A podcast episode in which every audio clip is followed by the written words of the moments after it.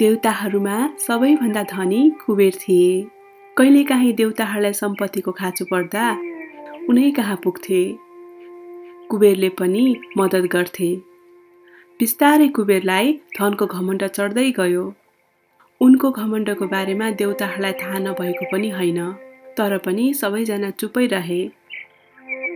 गणेश चाहिँ कसरी कुबेरको घमण्ड तोरौँ भन्ने मौकाको खोजीमा थिए। एक दिन कुबेरले ठुलो भोजको आयोजना गरे। सबै देवी देवताहरूलाई निम्तो गरियो। भोजमा बलमान भीमसिंहदेखि रिसाहा ऋषि दुर्वासासम्म थिए। सबैजना कुबेरको टाटकाट देखेर दङ्ग परे। एकैछिनपछि ठुलो बुढी हलाउँदै गणेशजी त्यहाँ आइपुग्नुभयो।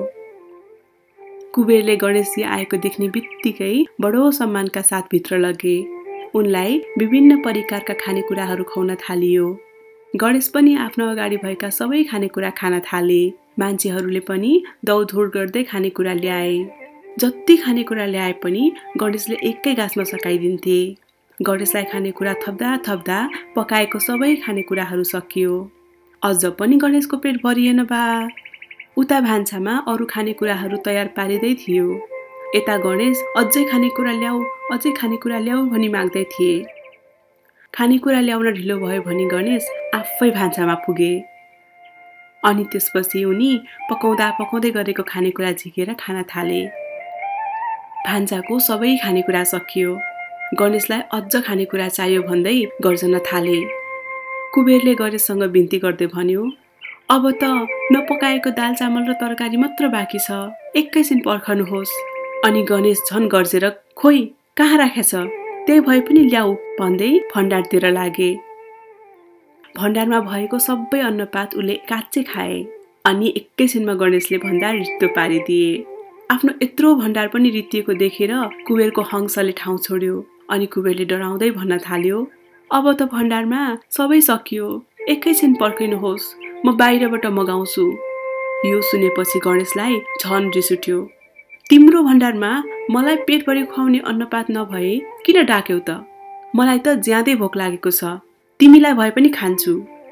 गणेशको यो कुरा सुनेपछि कुबेर डरले भाग्न थाल्यो। कुबेर अघि अघि भाग्दै गए गणेश भने पछि पछि लखेट्दै गए।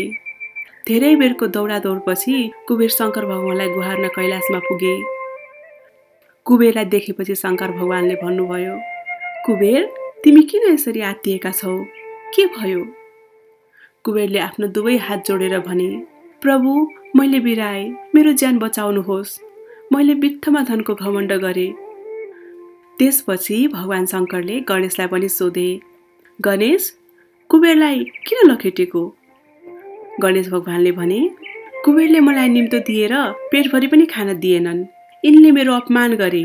त्यसैले यिनलाई लखेटेको हुँ अनि शङ्कर भगवान्ले भन्नुहुन्छ पेटभरि पनि खान पाएन भनेर कुबेर जस्तो धनी मान्छेलाई लखेट्न हुन्छ त?